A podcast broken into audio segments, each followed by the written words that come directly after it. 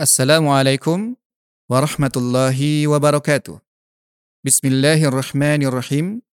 Alhamdulillah wassalatu wassalamu ala Rasulillah wa ala alihi wa ashabihi wa man tabi'ahum bi ihsanin ila yaumiddin. Amma ba'du. Ikhwah semuanya yang semoga senantiasa berada dalam rahmat Allah Subhanahu wa taala. Pada bagian yang ke-40 dari sejarah hidup dan perjuangan Rasulullah Sallallahu Alaihi Wasallam ini, saya ingin menceritakan tentang perang melawan Bani Nadir. Perang ini bermula dari rencana busuk orang-orang Yahudi untuk membunuh Rasulullah Sallallahu Alaihi Wasallam. Ketika Rasulullah Sallallahu Alaihi Wasallam berada di perkampungan Bani Nadir, kaum Yahudi dari suku tersebut berencana membunuhnya dengan menimpukan batu besar di atas kepala Rasulullah SAW dari atap rumah. Namun atas izin Allah, malaikat Jibril memberitahu Rasulullah SAW atas rencana tersebut. Maka beliau segera meninggalkan tempat tersebut, diikuti para sahabatnya yang kebingungan dengan tindakan Rasulullah SAW. Setelah kejadian tersebut, Rasulullah Shallallahu Alaihi Wasallam segera mengutus Muhammad bin Maslama ke Bani Nadir untuk menyampaikan keputusan Rasulullah Shallallahu Alaihi Wasallam atas rencana busuk mereka terhadap dirinya. Rasulullah Shallallahu Alaihi Wasallam memutuskan agar mereka keluar dari Madinah dalam jangka waktu 10 hari. Setelah hari itu, maka yang masih tetap berada di tempat mereka sekarang akan dibunuh. Pada awalnya, mereka akan menuruti keputusan Rasulullah SAW dan siap-siap untuk berangkat meninggalkan tempat tersebut.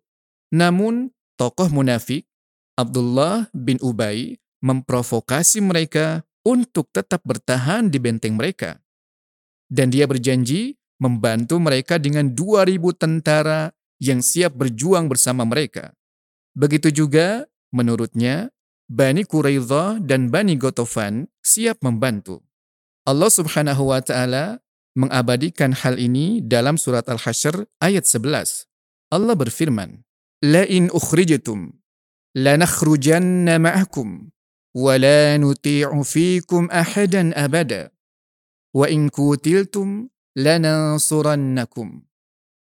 Sesungguhnya, jika kamu diusir, niscaya kami pun akan keluar bersama kamu, dan kami selama-lamanya tidak akan patuh kepada siapa pun untuk menyusahkan kamu.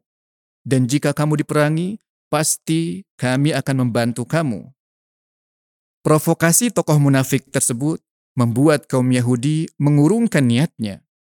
Mereka akhirnya tetap bertahan di benteng-bentengnya, bahkan menentang Rasulullah SAW untuk mengambil tindakan-tindakan apa saja.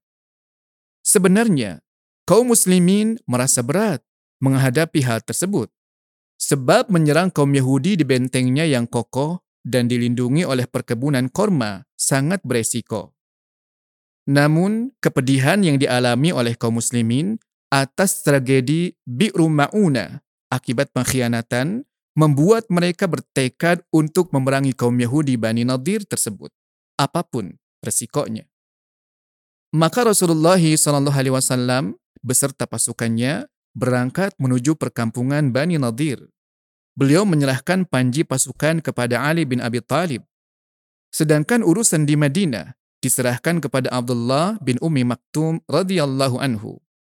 Setiba di sana, Rasulullah SAW melakukan pengepungan kaum Yahudi segera berlindung di bentengnya sambil melemparkan panah-panah dan batu-batu ke arah kaum muslimin. Mereka juga terbantu dengan lebatnya pepohonan di sekitar benteng mereka. Karena itu, Rasulullah Shallallahu Alaihi Wasallam memerintahkan untuk menebang pepohonan tersebut. Dalam hal ini, Allah Subhanahu wa taala berfirman dalam surat Al-Hasyr ayat 5. ما قطعتم من لينة أو تركتموها قائمة على أصولها فبإذن الله Apa saja yang kamu tebang dari pohon kurma milik orang-orang kafir, atau yang kamu biarkan tumbuh berdiri di atas pokoknya, maka semua itu adalah dengan izin Allah. Sementara itu, Abdullah bin Ubay dan Bani Quraidha yang menjanjikan bantuan ternyata hanya janji kosong belaka. Hal ini membuat Yahudi Bani Nadir dihinggapi ketakutan.